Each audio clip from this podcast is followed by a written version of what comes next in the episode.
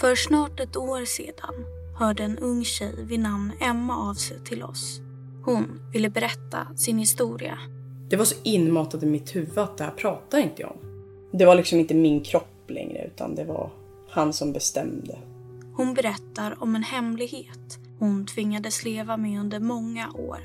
En hemlighet om hennes taekwondo-tränare. Men förstod du då att du blev utsatt för övergrepp? Nej.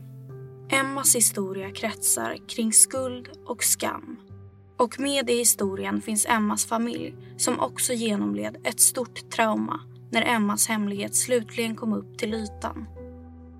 Allting går inte in. Jag tror att man liksom som människa, man, man tar in det man klarar av för stunden. För att genast så börjar man ju säga, men varför har jag inte sett det tidigare? Jag kommer jag blev alldeles ställd. Ja, det var verkligen det sista jag trodde. Jag kände mig så jävla lurad. Jag har inte anat någonting. Min pappa ska ju finnas där. Och samtidigt uppdagas det att det är många fler unga tjejer som levt med liknande hemligheter.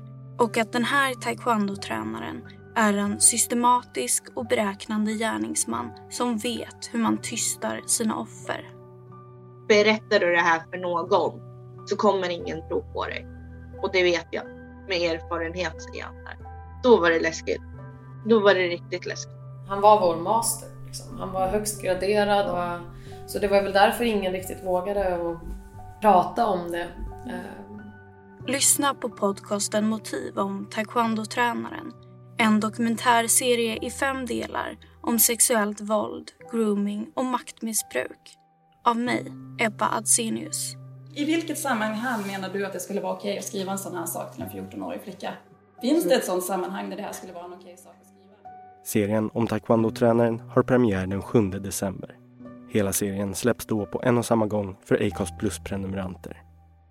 Tack för att ni lyssnar.